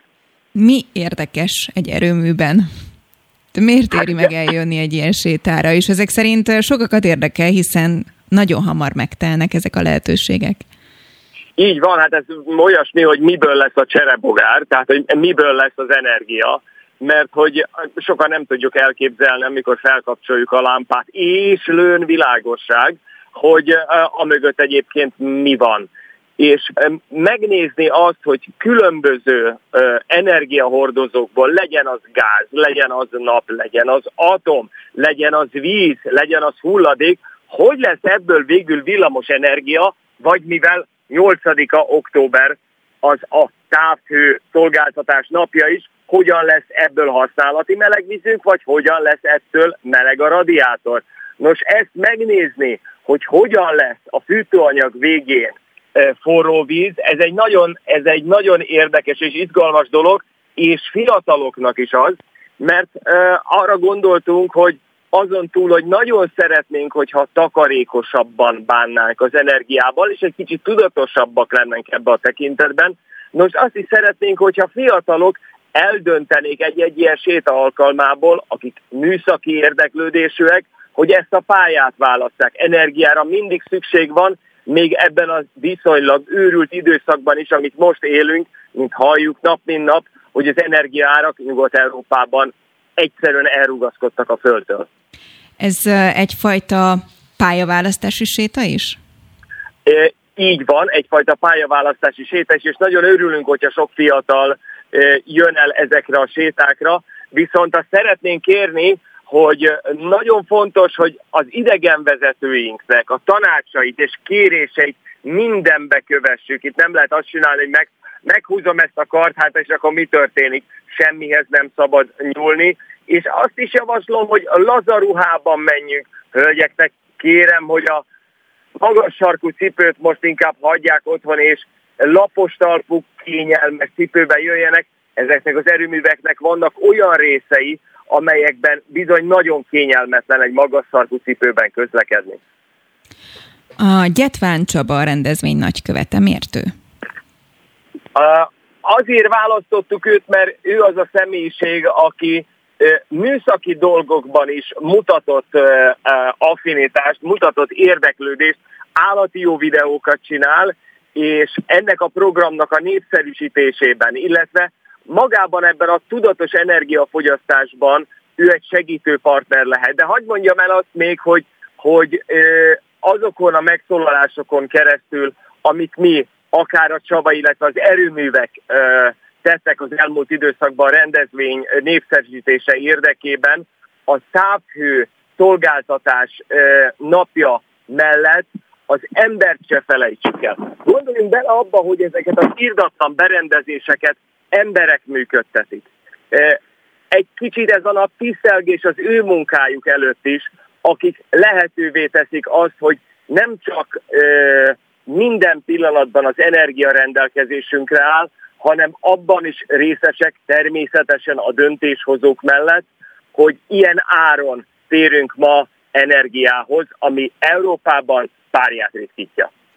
Serer Zsort, szerintem sikerült felhívni a figyelmet egy olyan eseményre, amire már ugye nem tudunk jelentkezni, de aki teheti már most klikkelgessen a jövő évi hasonló lehetőségre. Nagyon szépen köszönöm, hogy a rendelkezésünkre álltál.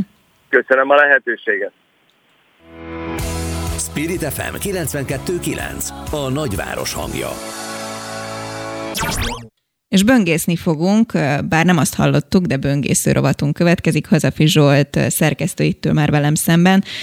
És lássuk, hogy mi az, amit találtál, miközben itt az elmúlt két órában végigbeszéltük az előválasztástól elkezdve a gázkérdéseket. Te mit találtál? Kívánok, én is köszöntöm a hallgatókat. Választhatsz három témát hoztam, egy komoly politikát, egy kevésbé komoly politikát és egy könnyed témát. Választhatsz, hogy melyikkel szeretnéd Könnyedre kezdeni. szavaznék, de, de... Jó, akkor a komolyjal kezdem. Igen, sejtettem, és akkor legalább egy hírérték nem. szerint haladjuk, kezdjük, a komolyal esünk Nem, nem, nem, én, én, én szeretném azt, hogy akkor a könnyeddel kezdjük, tudod.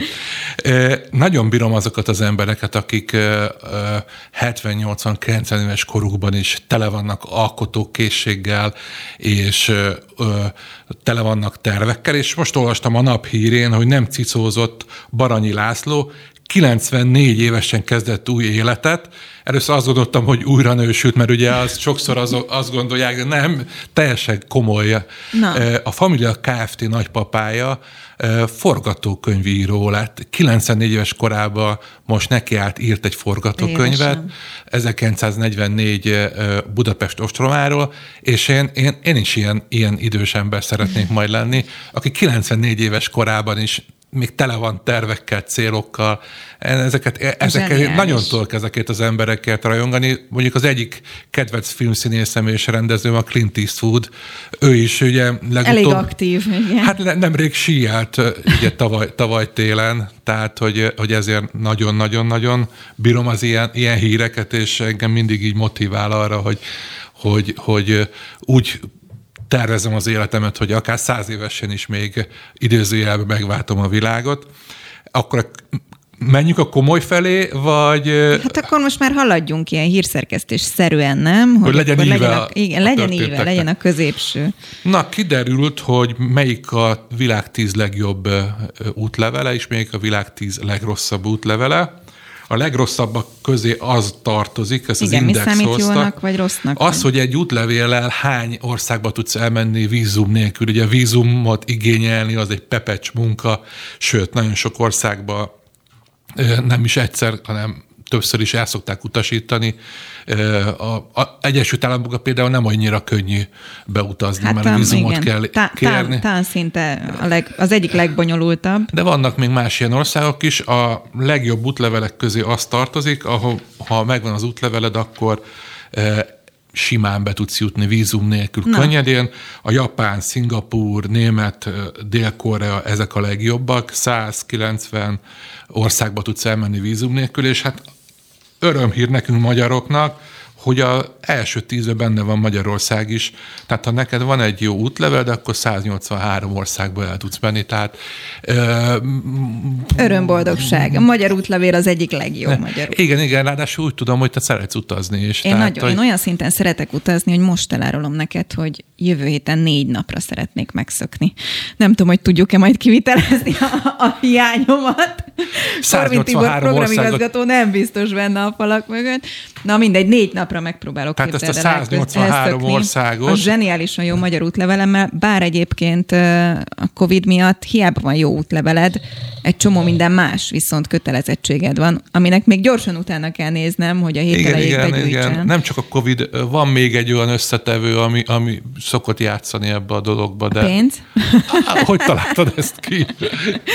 Jó, bevallom, egy hihetetlen olcsó fapados jegyet lőttem magamnak, és akkor itt a reklámhelye, hogyha körülnéznek az emberek, akkor ilyen 3-4 ezer forintokért egyébként találhatóak, még most októberre jegyek, úgyhogy én fürödni nem szeretnék, de napsütést is egy Ez Ennyit a környezetvédelemről, ugye, mert ja, hogy... és, na igen. Jó, nem szólok Greta semmit, mondd a komoly híredet, különben lekeverlek, ja. mert közben nagy is bejött. A Telex-nek nyilatkozott Márkizaj Péter, ugye éjjel győzködték egymást, vagy este, vagy Lassan nem ez kezd egy ilyen parádé, parádé lenni, nem? Vagy egy paródia, vagy mit akarok mondani? Hát, nem? Tehát, hogy én inkább nem mondok cím, semmit. Úgy váltunk el, hogy aludjunk rá még egyet. Igen, Na de igen. most mi van? Igen, de az volt, hogy úgy váltak el, tehát azt mondja a Márkizaj De ezt már hanyatszóra alszanak rá. Hogy úgy váltak el, hogy aludnak rá egyet, de aztán olvasta a Karácsony Gergőnek a posztját, hogy végleges az, hogy ő úgy döntött, hogy elindul, ezért ő se gondolkodik már tovább, és ő is elindult, tehát, hogy mondjam, egy kedvesen azért belevágott egy kést, mint a rejtő Jenő könyvben, ugye van ez a hátba állított kés, tehát hogy azért nagyon tiszteli, nagyra becsüli Karácsony Gergőt, de hát úgy váltak el, hogy alszanak rá egyet, de látta, hogy a Gergő nem aludt rá egyet, ezért ő se alszik rá egyet. Nagyon szuper. Na hát ez még szerintem iszonyatosan sokat fog változni, és az is biztos, hogy ezt is kitárgyaljuk majd szerintem Csak tudod, holnap hogy az editorban. jövök neked. Így van, igen. Mondd el csak az Anginak, hogy miért, aki közben megérkezett, mint bistró Múlt héten ugyanígy beszélgettünk, és akkor is szóba került, hogy Márki Zaj visszalépe vagy nem. Fogadtunk itt élő adásba, hogy én azt mondtam, hogy szerintem vissza fog lépni. Az Anikó, hát a polito, politi, tiszteletbeli politológus professzor azt mondta, hogy szerintem nem fog. Egy pesgő volt, a pesgőt buktam, neki lett igaza. Így van. És bár, bár egyébként, egyébként szerintem várjuk ki még a következő napokat, mert mindig kicsit alszanak rá egyet. Azt a hibát, hogy adtam egy deadline-t, hogy, hogy ma csütörtökig. Tehát nem Na, az a kérdés, hogy, hogy a választásokig, ja, okay. hanem, hanem az, hogy egy héten belül. No, hát akkor nyertem. Angi, hagyunk szóhoz jutni. Mi minden lesz a bistróban, és már pont írtam nektek levelet, hogy az imént ugye egy nagyon jó bistró témát hozott Pont Zsolt, hogy lehetőség szerint majd hívjuk be Baranyi Lászlót, 94 éves, ugye, aki új életet kezdett egy jó portréra. Azt akartam mondani, hogy akár egy jó portréra. Na, egy nagyon jó portréra javaslom, És hogyha már a majd vele. portré vendégeknél tartunk, akkor elmondom, hogy a mai vendégünk Szolnoki Péter lesz. No mint portré vendég. De hát itt lesz még itt nagyon sok minden, például, hogy körbefutották a Balatont orvosok és ápolók és gyerekpszichológusok.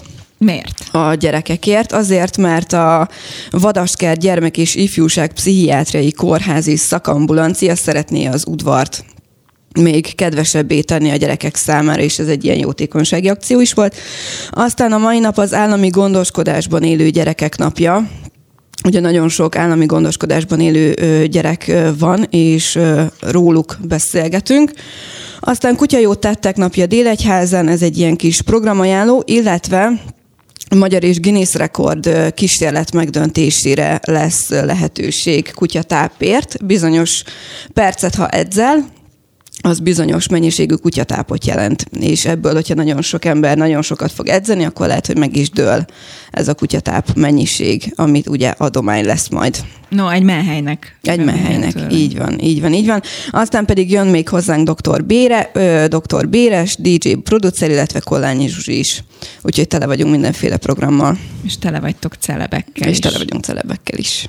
Ez a, ez a menhely mentés, ez, ez sportolók ötlete volt, vagy egy menhely kezdeményezte, nem tudod? Honnan indul ez a kezdeményezés? Ö, meg fogjuk kérdezni Canik Balázs táplálkozási tanácsadótól, de szerintem ez, de szerintem ez együttesen mindenkinek a, a közös célja és közös adománya. Ez a kutyák táplálkozására is szól, vagy az emberek táplálkozására? Hát figyelj, itt az van, hogy több mint 7 tonnás adományjal, illetve a legtöbb kutyatáppal sportoló emberek rekordja megdöntése. Ja, akkor, a, akkor emberek, ez... emberek táplálkozására. Így van. Szerintem a kutyáknak az egyáltalán legyen elég kutyatáp. Igen, és akkor Sobert Norbit is kellene, mert ő aztán tud ebben érdekeseket mondani. Tényleg lehet, hogy kellene őt is most megkapcsolni, hogy valami, kutya, valami hogy új, újat hagy mondjon itt nálunk. Ugye nálunk jelentette be az új fogalmát, a panda popsit, szerintem igen, pont, igen. pont együtt voltunk Zsolta. Lehet, hogy érdemes lenne felhívni, hogy most éppen akkor itt az ősz, itt a rossz idő, Bővítsük lehet edzőtermekbe járni, és akkor kellene egy kicsit bővíteni a szótárt. Igen, igen, hát ugye neki volt a csimpászcsöcs, a döngőléptű, meg most ez a panda popsi, tehát, hogy mondjam, elég kreatív ebbe a dolog, de lehet, hogy hogy a gyógyulás után már visszafogottabb lesz. Rég mondott új szavakat. No, ez volt már az aktuál. Átadom a mikrofont most már tényleg Nagy Anginak, aki a Bistróval következik egészen 11 óráig. Köszönöm szépen Hazafi Zsoltnak a szerkesztést, Tóró Nikinek a segítséget, és Kátai Kristófnak, aki a technikai dolgokért felelt. Legyen nagyon-nagyon szép és balesetmentes napjuk ebben az egészen undi időben. Szép napot!